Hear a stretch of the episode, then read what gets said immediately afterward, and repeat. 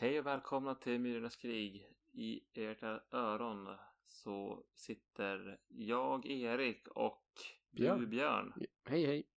Hur står det till? Du låter lite krasslig. Jag är lite krasslig. Jag har dragits med någon förkylning som aldrig riktigt har velat ge med sig och till råga på allt då fick jag min fjärde dosen covidvaccin här igår. Så då har jag kryddat min lilla förkylning med lite muskelvärk och feber också. Så att just idag är jag faktiskt ganska hängig. Det ska jag inte sticka under stol med. Så vi sitter på olika håll nu. Det är lite tråkigt men eh, det får gå. Det får gå. Vad har vi på menyn den här månaden då? I Ja men det är ju jaktsäsong nu. Det, folk ger sig ut på älgjakt. Medan vi ger ut, oss ut på jakt efter filmer om människojakt. Precis. Något sånt kokade vi ihop till den här månaden i brist på annat. Jo, Men det får bli bra. ja. Vad är din allmänna känsla av eh, livet? Ja, livet just nu är ju inte tipptopp. Det, det ska jag väl ändå medge. Förutom sjukdomsproblematiken så har vi även ådragit oss en vattenskada i huset så att vi är mitt uppe i renoveringsmarsch där eh, vardagsrummet har vi rivit ut och de håller på att sätta nya tapeter och grejer nu. Och eh, imorgon måste jag troligtvis utrymma den plats jag sitter nu i gillestugan i källaren för vi kommer behöva riva upp golvet här då. För att lägga ett nytt golv. Så det är lite trist, minst sagt. Men det är som det är. Man får bara försöka gilla läget och härda ut. Och tänka att det är en begränsad period. Jo, men det är sånt där jobb som eh, en gärna hade sluppit undan kan jag tänka mig. Ja. Jag kan ändå säga dock nu när jag börjar se nya tapeterna komma upp i vardagsrummet att det, det kommer att bli ganska snyggt. Annars var det ju lite de typ två fräschaste rummen i huset som blev drabbat av den här vattenskadan så det ja men det är som det är. Ehm, Vi får nytt golv i källaren och ska måla om taket och fixa lite och så blir det nya väggar och grejer i vardagsrummet. Så säger de ju att det mesta ska täckas av försäkringen men man vågar inte riktigt lita på det förrän notan är betald. Men förhoppningsvis ska det inte behöva bli allt för tung ekonomisk kostnad. Vi får hoppas det. Ja. Hur är du själv i livet? Eh, jo, ja, vad ska man säga? Jag är ju lite deprimerad efter valet eh, när vi fick när vi har ett eh, nyss nazistiskt parti som bara växer och att eh, den nästa, den un, un, yngre generationen röstar allt mer höger. Så det, det är med lite huvudvärk men jag kan samtidigt förstå att det blir så när det är väl, jag har tappat lite tron på våra politiker om man säger så. Det är så enkelspåret och det liksom det är typ jag vet inte. Jag tänker någonstans, det kanske är naivt av mig att säga men jag vet inte om jag tror på det här som nu den politiska kompromissen verkar bli nu att man kommer ge det här partiet ganska mycket makt i utskott och nämnder men hålla dem utanför regeringen. Men då tror jag att de alltid, liksom, så länge de frodas i opposition på ett sätt, då kan de alltid liksom skylla allt som går dåligt på att nej men vi, vi var inte inblandade liksom. Jag skulle nästan vilja se dem med i regeringen så att de också får ta lite ansvar. Det tror jag är liksom enda sättet att på något sätt knäcka mytologin om hur bra de skulle vara liksom. Då kanske det blir mer tydligt att de har ganska mycket problem när det kommer till realpolitiken sen. Ja, det är ju ett väldigt enkelspårigt och i många fall eh, ignorant parti liksom som eh, verkar inte kunna så mycket. Men nu kommer de kunna fortsätta i sina utskott och göra det de är bra på. Och det är ju liksom att splittra och obstruera. Mm. Ja, vi får se. Men oavsett vem som hade vunnit. Det var ju som inte så här att jag röstade riktigt för något parti det här valet. Det var mer att jag röstade kanske mot vissa partier. Men det kändes som att det hade blivit ett knepigt politiskt läge oavsett vem som hade vunnit när det stod klart att det skulle bli supertajt. Och som diskursen går just nu så känns det som att många jobbar mycket bara för att obstruera varandra och ställa till det för oppositionen liksom. Jo, ja, men det känns som högerblocket, de var alltså hela i största allmänhet en väldigt rasistisk retorik och eh, eh så här, eh, bara, eh, men det var liksom inga sakpolitiska intressanta, men det här ville vi göra för att det ska bli bättre, utan det var bara ja, men det, man lyssnar på debatten så är jag mörkrädd och sen så har vi som ett vänsterblock det där typ eh, visionslösa sossar och eh, Miljöpartiet som är som de är och Vänsterpartiet som är kanske närmast mitt. Mm. Eh, de kommer med någon jävla bensinpopulism mitt i klimatförändringarna. Så jag, jag, jag, kände liksom lite grann att ja, jag hoppas att det, eh, det händer någon, någon, det blir någon ny riktning eh, i det politiska samtalet. Så att det blir roligt med sånt där igen och inte bara känns som att man försöker hejda någonting som är på väg att gå åt helvete vare sig det gäller eh, halvfascistiska partier eller, eller helfascistiska kanske de är och klimatförändringar, jag vet inte. Något Men... som jag tycker också är ju det här att i de typ tre, kanske till och med fyra senaste varelserna så borde ju egentligen dagordningen vara typ miljön, miljön, miljön och sen något annat. Men man har nästan inte hört någonting om, om eh, miljödiskussionen i den här varelsen alls. Alltså det känns som så här, det, det, känns brinnande akut på många sätt om man ska lyssna på vetenskapsmännen. Plus att vi har eh, en liksom, sjukvård som behöver styras upp. Och, ja, men, sjukvården är ju regionpolitisk men det känns inte som att det har varit någon regionpolitisk debatt Nej, så det känns som att det bara fortsätter på status quo där man har ungefär lika många chefer som vårdplatser i varje landsting. Det är ju vansinne. Ja, verkligen. Eh, eh, och eh, en sjuksköterskebrist som egentligen inte är en sjuksköterskebrist. För sjuksköterskor finst det men de har för dåliga villkor. Så att de, de jobbar med annat. De står och skruvar på Volvo lastvagnar istället för att jobba på universitetssjukhuset i Umeå. Det är ja. vansinne. Ja. Där borde vi prata om i, men det, det enda den politiska valdebatten handlade om var typ kärnkraft eller inte, vilket var en jävla halmgubbe, vad fan visst det, eh, någon sorts önsketänkande om att kärnkraften ska hjälpa oss att vi kan fortsätta leva precis som vanligt. Jag tycker kärnkraft är jag inte emot, men jag är emot att man diskussionen som blir så himla dödfödd. Ja, jag, som jag har förstått det, inte för att jag är någon kärnkraftsexpert, men jag lyssnade på något uttalande från Vattenfall också som sa liksom att när de la ner Ringhals så var egentligen inte det något politiskt beslut så, utan man la ner det för att det var dyrt och ineffektivt.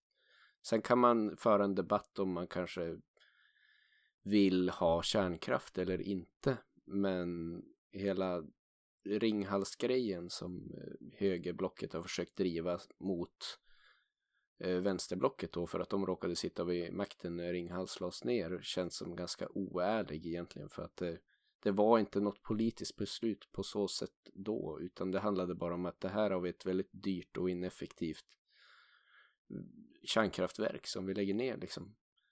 Och ja, man kanske kan bygga ny kärnkraft men det är ju liksom inte en lösning som kommer komma på ett år utan det är ju en 20-årsfråga om man ska försöka börja etablera ny kärnkraft. Sen tror jag ju med kärnkraft som med mycket annat att det är många som tycker kärnkraft är skitbra så länge det inte är på deras gård liksom. Men någonstans måste ju kärnkraftverken stå om man nu ska bygga ut det i så fall. Ja, men de som vill ha kärnkraft, de, de kan ju inte ens stå ut med vindkraft i närheten av sin gård. Herregud. Ja, nej, jag är, jag är skeptisk. Men jag är, ska väl vara ärlig och säga att jag inte är jättebra insatt i just energifrågan heller. Det är en spännande fråga men ja, den är nog mer komplicerad än vad vi är satta till världen att det är inte det vi ska podda om i alla fall. Nej, om vi ska börja liksom ströva oss in mot mer myrornas krig så eh, nu kanske du inte har möjlighet men eh, jag kommer i alla fall vara statist i Uncanny Pictures. Jag tror att det är deras första långfilm. De spelar in i helgen. Ja. De börjar sina inspelningar i helgen här på eh, Ja, när det här avsnittet kommer ut så har väl de inspelningarna redan gjorts. Men det är väldigt nära där jag bor kan jag ju säga så det är bekvämt avstånd. Jag får se. Alltså grejen är jag fick ju någon mail om det där men jag kan inte hitta vart det är någonstans. Men jag fick ju någon mail om tid och datum och sådär. Dock jobbar jag ju hela helgen så att chansen är väl ganska liten att jag kan klämma in det där men Ja, vi får väl se. Det kom så, de söker fortfarande statistiskt så kan det komma en av dagarna så blir de glada. mm. det, vore, jag- det jag- vore lite roligt. Precis. Jag vet, jag vet var det är någonstans. Jag har... Ja, det blir skoj. Jag, jag är väldigt spänd. Vi får väl se i nästa avsnitt om jag är förbannad på det där filmbolaget eller om jag är... Men jag kommer nog vara peppad. Det, jag tycker det är kul att man spelar in skräckfilm precis ett stenkast från där jag bor. Jag hoppas utifrån förra vi såg som jag tyckte hade mycket bra i sig men att de håller sig till svenska tycker jag skulle vara trevligt. Gör det svenskt liksom men eh, vi får Jag se. tror att de kommer hålla det på engelska. Ja, men det kanske blir bra ändå. Men det jag hoppas är att eh, för det känns som att eh, hon, eh, nu vet jag, jag har glömt bort vad hon heter, Sandra? Cindy? Cindy Mm. på Uncanny Peaches. Hon kan ju hon kan ju rigga skräck liksom. Jag hoppas att hon kan få i lite längre format en bra historia gå ihop också. Då tror jag det kan bli riktigt kul. Ja, verkligen. Kul! Det ser vi fram emot. Så får vi se om jag klarar av att dyka upp på ett hörn där. Maybe. Men eh, jag kan nog inte lova någonting som mitt schema ser ut. Och så mycket som jag har på mitt bord här hemma också med renoveringar och annat. Jo, jag har egentligen också ganska tajt schema. Jag jobbar dag hela veckan och sen så är jag ledig på lördag. Sen jobbar jag en natt på söndag. Så, Good times. men eh, jag har lite innestående eh, borta tid så det ska nog gå bra att jag lämnar över mitt föräldraansvar under några timmar. Mm. Två kvällar. Ja, ja. Har du hunnit se någon film i månaden som förlöpt? Jo, men lite grann har vi, eller har jag ändå kunnat se. Jag, det har inte- blivit så mycket utanför Netflix. Det är liksom, det är väldigt härligt med en lättillgänglig plattform när man liksom ligger hemma med en, ja, Jag förstår. I men eh, eh, det blev ju The Swarm, en fransk gräshopps eh, diskbänksskräckis kanske Mm. man ska kalla det. Som, ja men om man ska försöka få ihop en diskbänksskräckis förenat med en eh, desperat person som eh, försöker livnära sig på att föda upp gräshoppor som mat så tycker jag ändå att de fick ihop koncepten väl. Så jag tycker det var väl värt en titt. Mm. Vårtbitare fick eh, en helt ny innebörd. Det, känns som att Frankrike har lite så här eh, nu senaste åren kommit med lite spännande skräcken då. Det tycker jag. Jag får ge den en chans då. Jag har sett trailern och tyckte att den såg faktiskt inte så intressant ut. Men jag, ska, jag ska ge den en chans. Jag tittar ju ganska ofta på Netflix när jag ligger liksom i min nattningsprocess med min unge. Så man kan eh, få henne att somna liksom. Men jag kan inte riktigt lämna sovrummet. Då brukar hon vakna. Men då brukar jag smyga mig med paddan så man kan se någon film eller något. Ja men det skulle ja men se den då. Jag tycker den ändå fick ihop karaktärerna och deras hur de betedde sig var väl på något sätt ändå det är sällan jag tycker skräckfilmer får till det så himla bra. Eller det är ofta skräckfilmer får till det ganska dåligt snarare. Mm. Att eh, hur, det blir liksom inte så mycket idiotprat. Här gör någon, någon dumheter ibland. Mm. Som leder till dumma saker. Men utifrån deras perspektiv så kan jag psy- psykologiskt förstå det. Ja. Och så vidare. Sen så skräcken är väl, ja man, kan väl lite grann tidigt se vart hän det barkar. Men det bärs upp ändå av en spännande historia i familjen där. Så jag tycker det, se den. Den var lite småläbbig och ändå ganska spännande. Jag tycker ofta om man bara klarar av det här att konstruera intressanta karaktärer så kan jag köpa rätt mycket, svälja ganska mycket när det kommer till hur absurd eller osannolik skräcken är. Eh, men det gör man alldeles för sällan i mycket skräckfilm tycker jag. Det är som att eh, det här med att bygga karaktärer och skapa som rimliga motivationer för karaktärerna är lite grann en eftertanke många gånger. Man börjar, man börjar liksom med en idé om några intressanta skräckscener och så börjar man, har man det som utgångspunkt i manusarbetet och så försöker man bara tjohorna in lite karaktärer runt omkring de här skräckscenerna man har funderat ut. Får jag känslan av ibland. Ja men här är det ju som en, mer en, en, en eh, resa där man det börjar som en ganska realistisk men jag tycker ändå att skräcken håller sig tillräckligt. Att den är trovärdig i den världen filmen befinner sig. Mm. Om man säger så. Så jag tycker det håller. Kul. Sen såg jag ju Rob Zombies Halloween. Men den tappade jag lite grann fokus på hans remake på Halloween. Ja, ja visst. Absolut. Jag vet inte om du har sett den men det, kort och gott så är det den det tänkte att du får se den gamla Halloween-filmen med lite snitsigare foto eller snitsigare kanske att ta i men eh, modernt med mer eh, någon som vill göra med viss stil och sätta ja. sin viss prägel på det. Plus att man får ett långt prequel-segment där man får se Michael Myers uppväxt där han eh, mobbas i skolan och psykiskt misshandlas av sin styvfar. Och så torterar han djur på fritiden. Ja, men det, så hamnar han på psyket och det, det är verkligen jag vill inte ha en massa förklaringar av hans eh, psyke eller drivkrafter eller någonting. Så där tyckte jag var nej, den, det, var, det var tråkigt. Jag tappade fokus.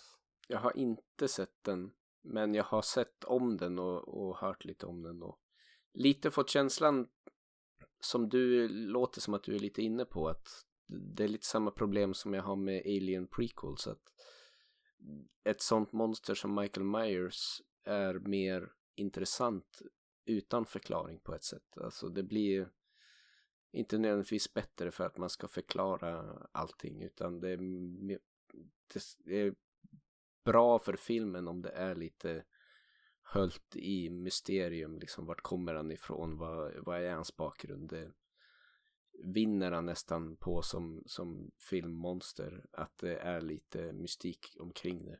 Och att det behövde kanske inte ens någon djupare förklaring än det man får i den första filmen med att han är bara den här som är inlåst på psyket och psykdoktorn tycker han är ondskan personifierad ungefär. Det räcker så. Ja men jag har, det är lite grann, det är samma sak med komedi att så här, eh, humor, om du ska förklara ett skämt varför det är roligt så då slutar det vara roligt. Det mm. går inte. Samma sak är det liksom med någonting som är otäckt. Förklarar du någonting som är otäckt så att det är begripligt då försvinner det otäcka i det på något sätt. Absolut. Det var en väldigt bra jämförelse. Jag har tyvärr ingenting att komma med på filmfronten får jag säga. Jag har inte sett någonting tror jag förutom det som är i fokus för avsnittet så. Dels på grund av allt kaos som har varit på både jobb och hemmaplan. Och det lilla jag har tittat så har jag faktiskt snöat in lite på Dota. Dataspel som jag körde mycket i min ungdom men det pågår en stor turnering en gång varje år. Och det brukar bli någon period kring den här turneringen som jag snöar in lite på det varje år för att hålla mig lite ajour med the e-gaming scene. Så jag kikar lite på sånt mest. Dota 2 då? Ja, exakt. Jag tror jag var med och tittade någon gång när ni kör, titt, ja, när, när ni såg på den här tävlingen för flera år sedan, du och Trond. Mm. Jag hade jävligt svårt att hänga med. Ja, det, det är ingen bra publiksport om man inte har förkunskapen som krävs. Det är ganska eh, råddigt och stökigt. Men nu börjar det vara en period i det här spelet också där jag känner inte igen någon längre. Det var ju lite där som eh, jag kan tänka det med folk i fotboll eller vilken sport som helst. Man liksom växer upp tillsammans med vissa kända namn som man följer och tycker är spännande och det är roligt att heja på. Men när jag försökt kolla lite grann då på kvalmatcherna inför den här årets uppsättning av eh, den här turneringen så känner jag ju igen nästan ingen alls. Man börjar vara gammal och de som jag spelade och var liksom stora spelare när jag var ung börjar också vara gamla och falla bort liksom. Så vi får väl se, men jag ska väl slänga något öga på det där och se hur det går i turneringen. Men inget skräckfilmande, tyvärr.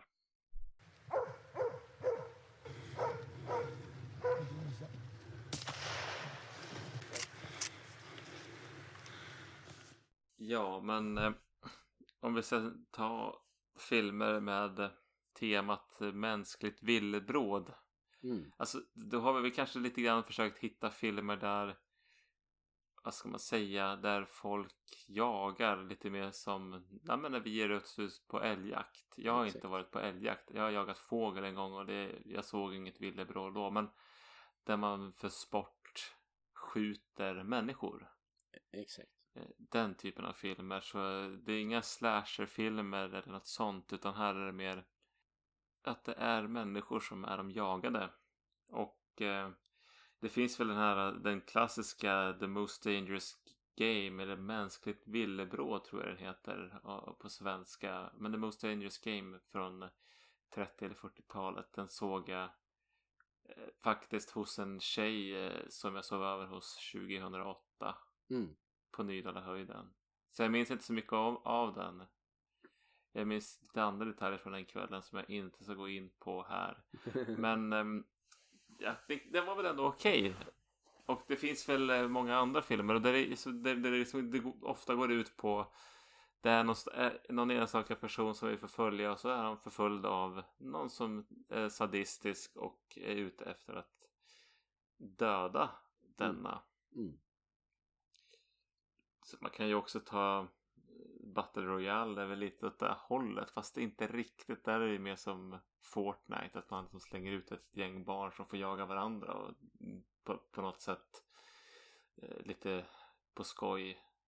Fast det kanske inte är något underhållningsprogram med Battle Royale. Eller hur är det? Det är, Det är i- någon sorts bizarr bestraffning som de har Ja. institutionerat i Japan för att ja, de tycker ungdomarna inte sköter sig typ. It's weird. Det var länge sedan jag såg Battle Royale dock. Jo, men den, den är ju lite, lite i den regionen. Sen såg jag en som inte är helt tokig, den här Ready or Not som kom för några år sedan. Som, eh, de, fick de som gjorde den fick ju sen göra Scream 5. Just det. Men där handlar det om en, en kvinna som på, hon gifter sig med en förmögen man eller ja. Och på bröllopsnatten så så ska hon liksom eh, som någon sorts initieringstraditionen som alla eh, brudar eller de som gifter in sig i den här släkten eh, som är väldigt spelintresserad Mm. de får som dra ett kort eller dra någon sorts lott. Och eh, vi, om ett, ett spel ska spelas och man måste spela det här spelet. Det kan vara någon form av schack. Mm. Eller så kan det vara att man som i det här fallet ska leka kurragömma och de andra ska försöka döda en. Ja. Ja, den var rätt trevlig. Jag försöker liksom, det känns som att jag har någon lite mer renodlad jaktfilm på tungan men jag kan inte riktigt komma ihåg vad den heter. Men det, rent på temat som sådant tror jag ändå att det finns några filmer att plocka fram om man letar. Men kanske inte några superklassiker bortsett eh, den du nämnde då från Mänskligt villebråd. Nej, där man är lite generös så skulle man väl kunna ta The Running Man och Predator och ja, lite sådana. I suppose so, absolut. Och The Hunger Games är väl nästan det. Du, du drar lite åt samma håll. Mm. Absolut. Det har lite sån feeling i varje fall. ความสุข แล้วก็สนุกไปกับสิ่งที่เงินแม่งหาซื้อได้ ผมเชื่อว่าคุณจะเพลิดเพลินกับมัน ผมกล้ารับประกันเลย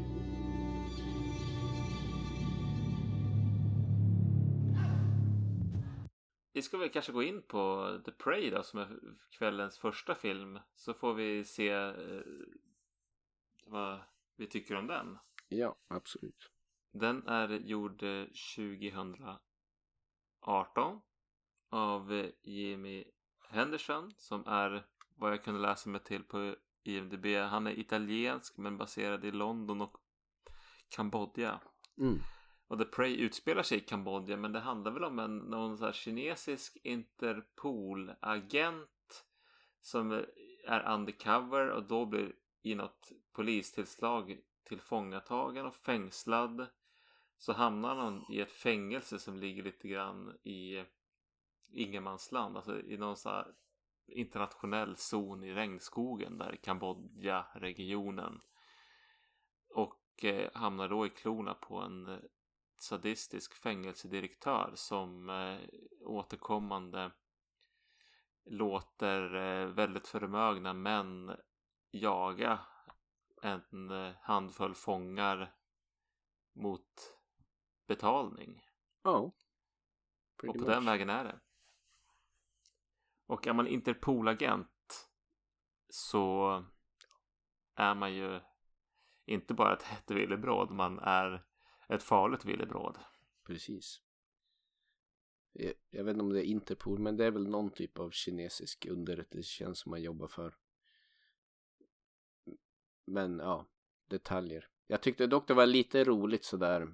Att det, det verkar som att det han infiltrerar egentligen är någon typ av scam call center. Sen var det liksom lite absurt att de verkade ha så det var verkligen härdade brottslingar på det här callcentret. Men han nämner i någon scen att det var liksom ett callcenter som lurade kinesiska kunder typ. Men eh, jag inbill, det finns ju mycket, det är ju som en grej med mycket olika typer av scams som har sitt ursprung i, i många länder i Sydostasien. Men jag har väldigt svårt att tro att det är någon väldigt så här härdad kriminerad eller organiserad brottslighet som ligger bakom mycket av det. Men så var det i det här fallet i alla fall. Och det var ju riktigt, riktiga gangsters. Mm. Och eh, det kanske var lite slarvig research av oss, men jag tyckte ändå att det var en ganska rolig film att se i Myrornas krig. För den här var ju mer åt action thriller än skräck. Ja, definitivt. Så om vi nu ska hoppa in på S så var den inte så fruktansvärt otäckt. Det var ju ganska våldsamt, men det var ju... Det var ju koreograferat på ett sätt som gjorde det det är liksom det, mer fokus på stil än realism som gjorde på många sätt att det inte var så otäckt.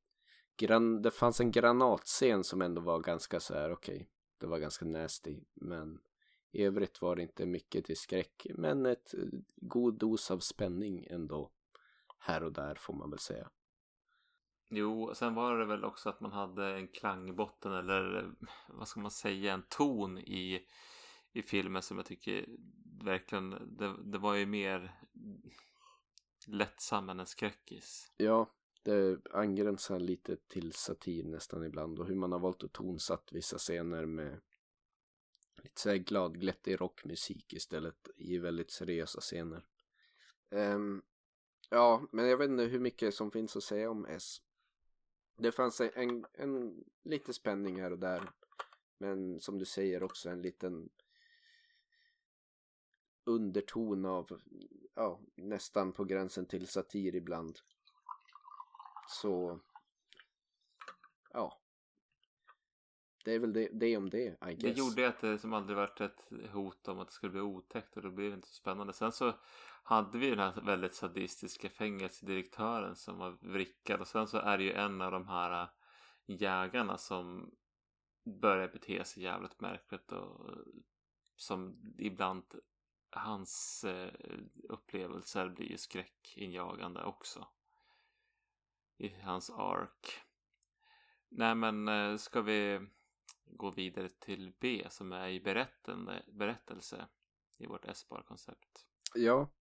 Eh, jag tyckte väl, det var ju ganska pang på rödbetan här. Man tog inte så mycket tid på att etablera karaktärerna utan mer eller mindre första scenen då blir de raidade det här callcentret som man infiltrerar och sen hamnar han i fängelset och sen åker de ut i skogen och så är det dags för jakt typ. Med det sagt tycker jag det fanns liksom aspekter av det kring karaktärsbyggandet här som ändå var ganska små trevligt liksom. Dels att en av de här jägarna då var ju en visade sig lite mer komplex karaktär än bara genom ond när han också var lite sympatisk ibland och han träffade ju på någon lokal bybo där som han förvisso utnyttjade men verkade ändå ha en genuin omtanke kring när han blir skadad i någon scen och han försöker rädda honom för att och blir liksom upprörd för han tyckte att det var hans vän vilket de var ju inte vänner, han var ju ganska vrickad men det var ändå man gjorde liksom någonting mer än att bara ha generic bad guy 1, 2 3 utan de hade lite högre anspråk där.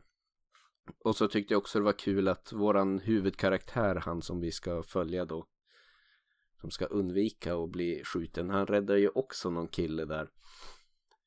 Som sen visar sig också vara ganska användbar. Det känns som att det är ganska vanligt trope att ja, men hjälten räddar någon som är mer eller mindre filmen igenom ganska mycket en börda. Men här de hjälpte varandra och stöttade varandra och man ja, eh, jag, jag, kunde ändå, trots att man inte fick så mycket bakgrund till dem så jag hejade på de här två grabbarna när de kämpade sig genom skogen efter ett tag.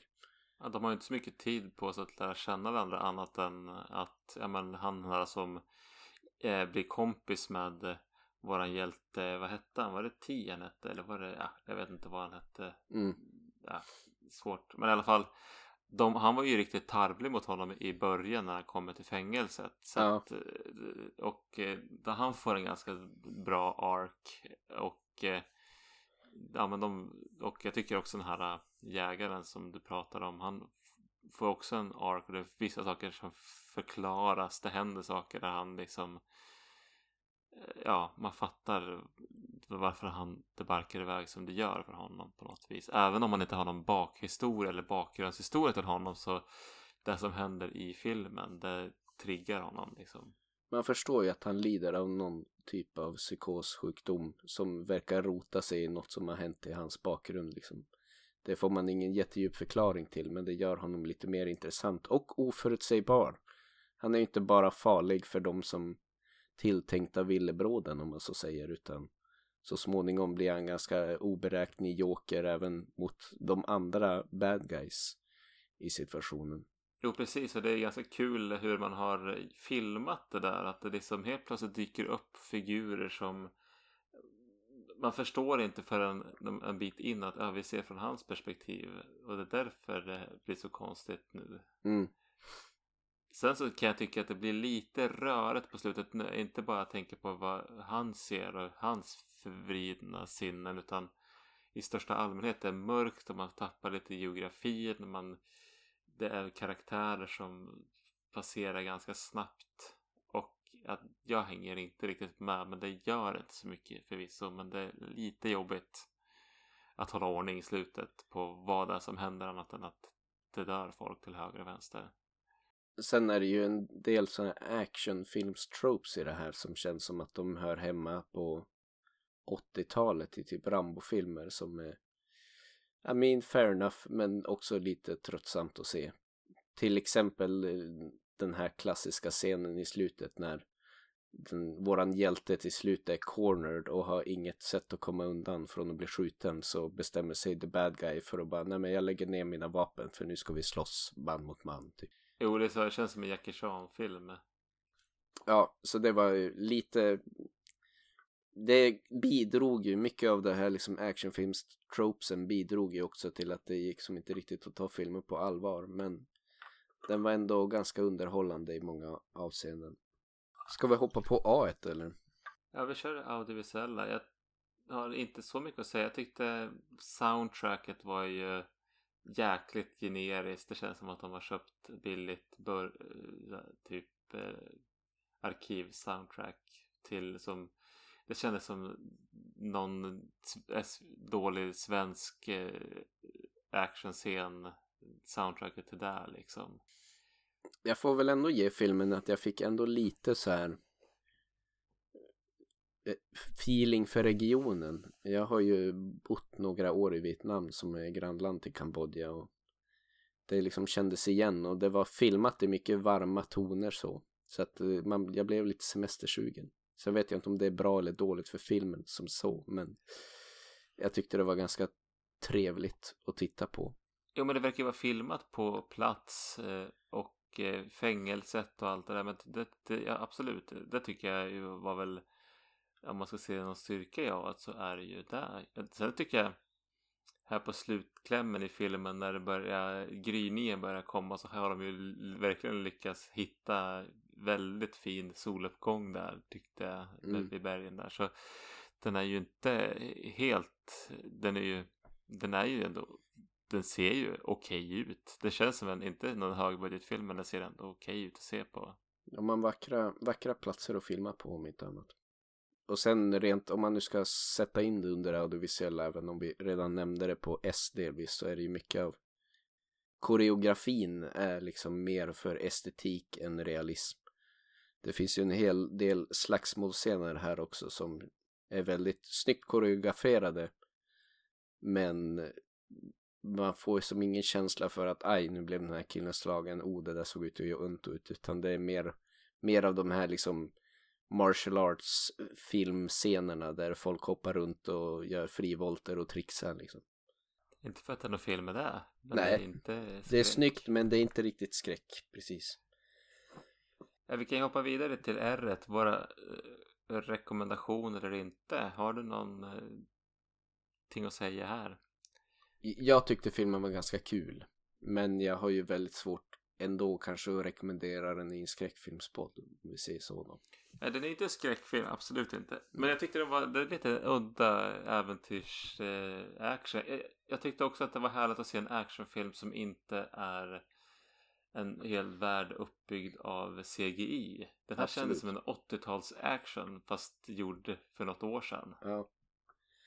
Jo, men det, är väl, kändes- man, det finns en viss nostalgi aspekt av det där också. Att det är lite i stil av typ filmer som Cliffhanger och Rambo och lite sånt här cheesy action som man växte upp med. Som de har gjort är ganska bra liksom för att vara en sån film. Om man gillar den typen av film. Lite rolig, roliga karaktärer fanns det där också. Så ja, men jag, är definitivt underhållande. Men inte skräckigt. Men kanske inte hör till den här subgenren eller vad ska säga. Det är kanske svårt att få det här riktigt skräckigt. Man fick känslan av när man läste om filmen att den skulle dra mer åt skräcken än den faktiskt gjorde. Jo, Eh, när vi såg trailers tyckte jag det var mycket mer skräckigt. Men jag kanske minns fel. Mm. Så det var väl lite en, en miss på det viset. Men med det sagt en helt okej underhållande actionfilm. Om man är lite barn av eh, 80-talet och är uppväxt med den typen av lite cheesy action och kan finna njutning i det. Så kan man ge den en chans. Men jag tänker inte rekommendera den till någon som är ute efter eh, nästa skräckfilm att titta på. Då kan vi väl hoppa vidare till The Hunt som är lite mer namnkunnig film kanske. Ja. Are we the hunters? What is all of this? Or are we the prey? Oh, I can't use that. Just point and shoot. Panto från 2020 är den andra filmen som vi såg på temat mänskligt villebråd. Den är regisserad av Craig Sobel och eh, hade ganska mycket kända skådespelare i rollerna. Fast det är väl mycket som är lite känt från eh, olika typer av tv-serier och sådär. Men Hilary Swank har väl kanske folk hört talas om. Ethan Suplee, Betty Gilpin. Det var så må- många av de här när jag läser namnen är för mig lite så här bara, ja, det säger mig inte så mycket. Men jag kände ju igen väldigt Ja men mycket Hilary av casten. Swank, är väl, eller Swank eller vad fan hon heter. Jo, hon, absolut. Är inte hon med i typ Boys Don't Cry? Alltså hon är ju, för ganska många år sedan så var hon ju jäkligt sådär, hon, en av de här, Hon hade sin, eh, sitt moment när hon var jävligt het. Jo men, Mm. där, ja, men runt millennieskiftet så var hon ju jäkligt stor, hon var ju med i allt möjligt och var högt ansedd. Ja, absolut.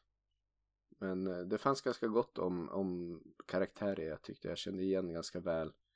Sen när jag började kolla upp varför jag kände igen dem så var det mycket som var liksom från typ The OC och olika typer av dramaserier som jag egentligen inte har tittat så mycket på men min fru har tittat en del på så man har sett dem lite här och där och bara just det. Det är från den där serien. Men ändå liksom stora serier så även om det inte är my cup of tea. Så för den som gillar sådana ungdomsserier så fanns det mycket namnkunniga skådespelare. Men skitsamma, det Hunt i alla fall. Är väl ganska enkel storymässigt så. Det, eh, det börjar, ja det börjar väl egentligen på något flygplan. Eh, där man förstår att det är massa rika snubbar som går, som är och så ser man att de har massa folk inlåsta i något un, undanstuvade i något rum där. Sen vaknar massa folk upp i, på någon gräsmatta och ganska snart därefter inser de att de är jagade och folk börjar skjuta på dem och på den vägen är det. Det, det, det är ganska mycket pang på rödbetan här. Man får som ingen mer introduktion än att eh, tolv främlingar vaknar upp på ett fält och sen smäller det liksom och alla springer åt alla möjliga håll. Ja men precis, de, eh, det, det är de enda som, eh, det, det som möter dem först är väl en gris i någon stor trälåda och som det finns en massa vapen i. Men om vi ska ta oss an den här filmen då. Enligt vårat koncept Espa. Ja, där S är skräck och spänning. Jag tycker, ja men det skräckiga här i den här filmen är väl egentligen lite grann som det var i den förra som kanske var mindre skräckiga. Här har de ju det är ju fortfarande människor som jagar människor. Ja. Det, men här tycker jag det är kanske lite otäckare ändå för det är men det är ju inte fortfarande blir jag ju inte skrämd av den här filmen så mycket. Den har ju en väldigt ironisk ton den här också. Det som jag tyckte var intressant i början är att den ganska direkt bryter ju väldigt mycket konventioner. Att man ser de här namnkunniga ansiktena att oh, men, hon och han känner jag igen väldigt väl. Liksom, de kommer säkert bli något power couple som ska klara sig och så bara dör de direkt och sen får, hoppar man vidare och får följa en annan karaktär helt plötsligt och tänker att okej, det är den här vi ska följa och sen dör han och det var ganska kul, då insåg man också att det är liksom all bets are off, vad som helst kan hända. För att eh, eh, som sagt ändå rätt eh, kända ansikten som dör på löpande band här i, i början av filmen innan man till slut landar på en av karaktärerna som klarar sig lite längre. Det där var ju lite spoiligt kanske. Eh, maybe. Men now the cat is out of the bag. Ja, men... eh, Nej, men jag håller med. Och sen de dör på ganska våldsamma sätt. Så det är ju liksom, det är ju lite chockerande. Ja, men det kanske, är- jag vet inte hur den första kvart, 20 minuter så händer det väldigt mycket sånt där som är oväntat och oväntat brutalt. Mm. Så absolut, och efter det så är det ju liksom det, det ger ju liksom en varenda sak som händer i filmen blir ju som ett osäkerhetsmoment. Eh, vad, eftersom all, all bets are off, vi vet inte vad som kan hända. Nej. Men eh, den här filmen har inte heller så stor tonvikt på att vara otäck. Fast den nog är mer av en skräckfilm än den andra. Men den har som du säger en ironisk ton som förtar. Det blir ju, det känns ju som att det, det blir som inte så hotfullt. Men med det sagt så vet man ju inte vad som ska hända. För har man väl fäst sig vid en karaktär så det dröjer ganska länge innan jag helt och hållet vågar lita på att det här, den här eller den här personen är protagonist. Mm. B kanske. B, ja, men jag tycker väl att vi kanske har varit och snuddat på det på B så är det här en film som är ganska så, den, den avslöjar saker och ting eller den, den låter saker och ting vara okänt för tittaren ganska länge. Om man säger att det dör, man tror att en karaktär ska det här, först tror man att en karaktär ska vara den man följer. Så tror man att en annan karaktär ska vara den man följer. Och så till slut vet man inte. De, de är bra på att luras. Ja, absolut. Och jag tycker också att den liksom i lite grann i hur den är disponerad, hur kronologin är i, i berättelsen, att de berättar saker och ting vid rätt tidpunkt. För att jag ska tycka att det, till, det ska vara till, det blir tillräckligt um, jag får veta saker i rätt ordning, även om det inte är i kronologisk ordning om man säger så. Mm. Sen är det ju, ja, det gränsar ju liksom till någon sorts politisk satir mycket i den här filmen. Absolut. Som är, det är ju som att många av karaktärerna är extremt stereotypiska och är liksom upphängd på mycket så här aktuella teman i alla fall i USAs politik med olika laddade politiska ståndpunkter där representeras av många av de här karaktärerna.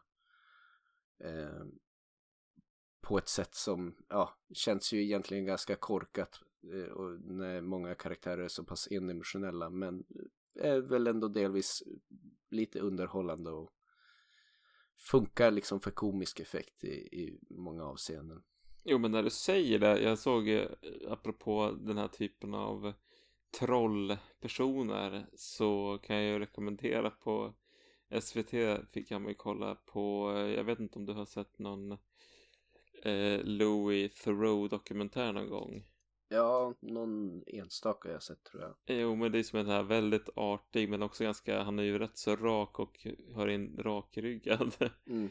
eh, brittisk journalist som gärna har en, eh, han har gjort väldigt många dokumentärer i där han reser runt i USA och nyfiket utforskar olika fenomen och möter väldigt mycket speciella människor. Mm. Men i alla fall för någon, några dagar sedan såg jag en dokumentär där han eh, började eh, ja, men utforska då den här eh, en typ av högerextremism i USA. Mm. Som inte, om de vill, som vill särskilja sig från white nationalists och använder internet och sarkastisk humor eh, lite grann för att ja, de, de, de har sina internetkanaler och kör med sin sarkastiska humor för att liksom få säga saker som är ganska grova så kan man bara skylla på humorn lite grann. Ja. Men det, jag tyckte att det, det, det var ser man de karaktärerna så tycker jag inte att den här filmen är så, så himla extrem. Fair enough. Ja, jag vet inte vad jag ska säga om berättandet som inte egentligen det redan du har sett sagt. Det är ju en väldigt enkel story på något vis. Det, människor blir jagade och vi får se hur det går. Men eh, som du säger, de har ett bra sätt att introducera lite mer bakgrundshistoria till vad det egentligen är som försiggår allt eftersom filmen fortlöper. Och den höll liksom ändå mitt intresse tyckte jag filmen rakt igenom. Jag var skeptisk från början när de körde ganska pang på rödbetan direkt och så tänkte jag varför ska jag bry mig om någon av de här karaktärerna men de lyckades ändå sy ihop det där ganska snyggt tyckte jag på ett manusplan. Ja, den hade som ett driv och det fanns ett, ett mål med det. Mm. Och eh, ja, precis. Det är nog många som skulle kunna tappa det och eh, så blir det bara ointressant. Men det här tycker jag, jag kommer att kunna se om den här filmen definitivt. Ja. Audiovisuellt. Jag skrev plus minus noll står det på mina anteckningar här. Jag tyckte väl det var kompetent genomfört men kanske ingenting. Det var ingenting som liksom stack ut på ett sätt som jag tänkte, ah det här var riktigt häftigt. Nej, det var som en vanlig, en vanlig film. Mm. Varken mer eller mindre. Jag, jag, Ingenting som stack ut som var dåligt heller ska jag säga. Nej. Utan det var som bara kompetent eh, genomfört men kanske inget färgsprakande åt det ena eller andra hållet. Så.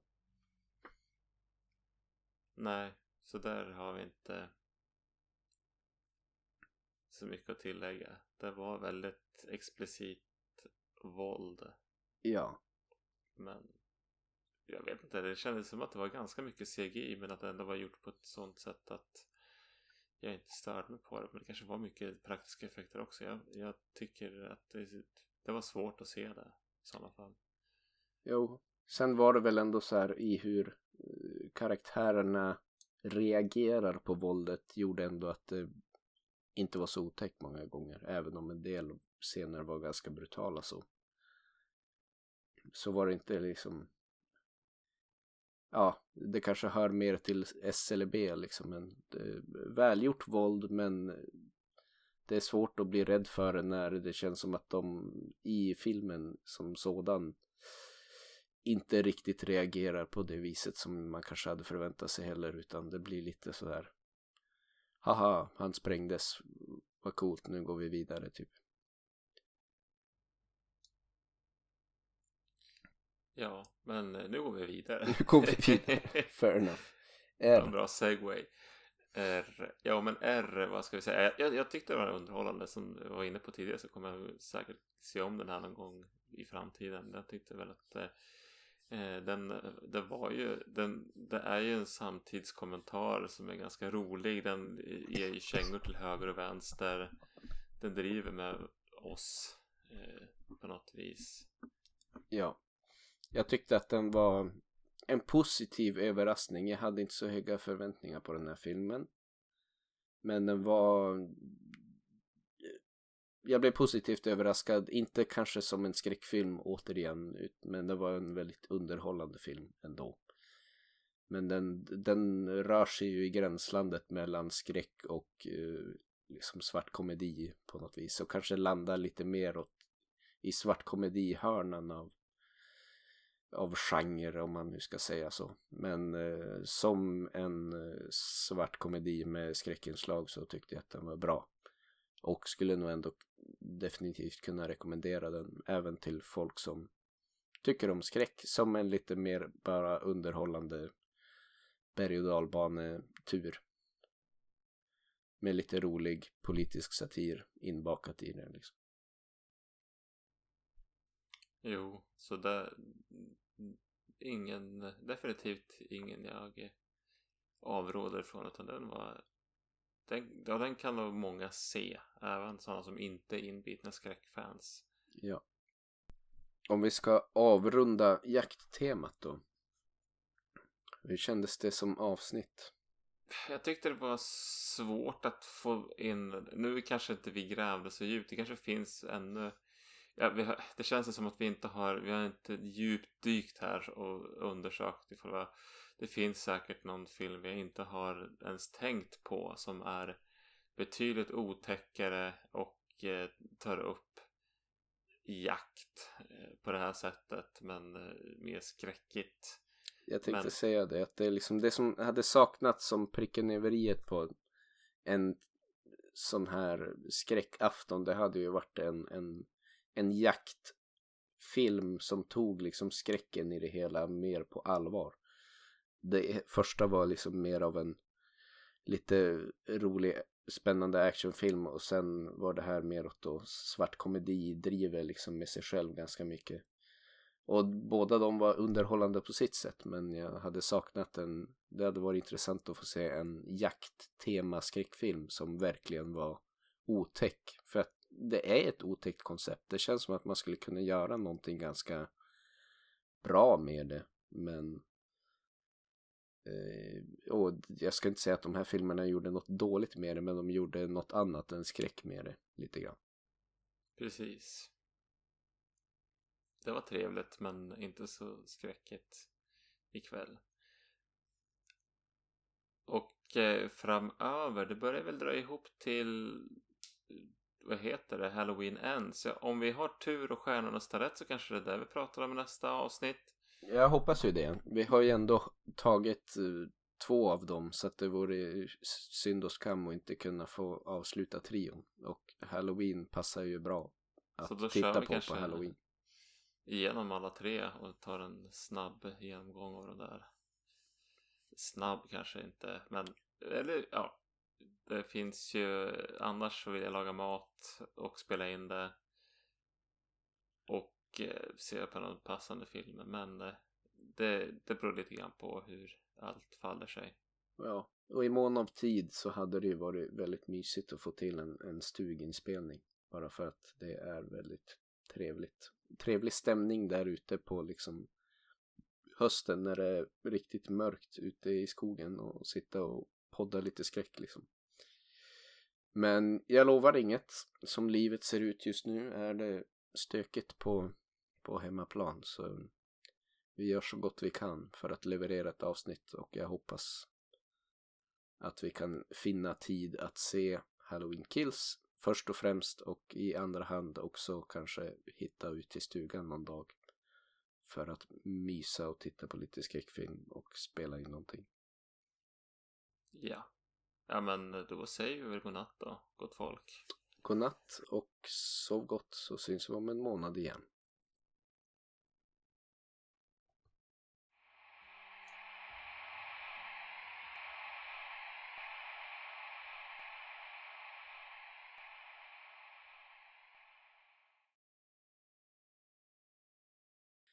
Ursäkta mig.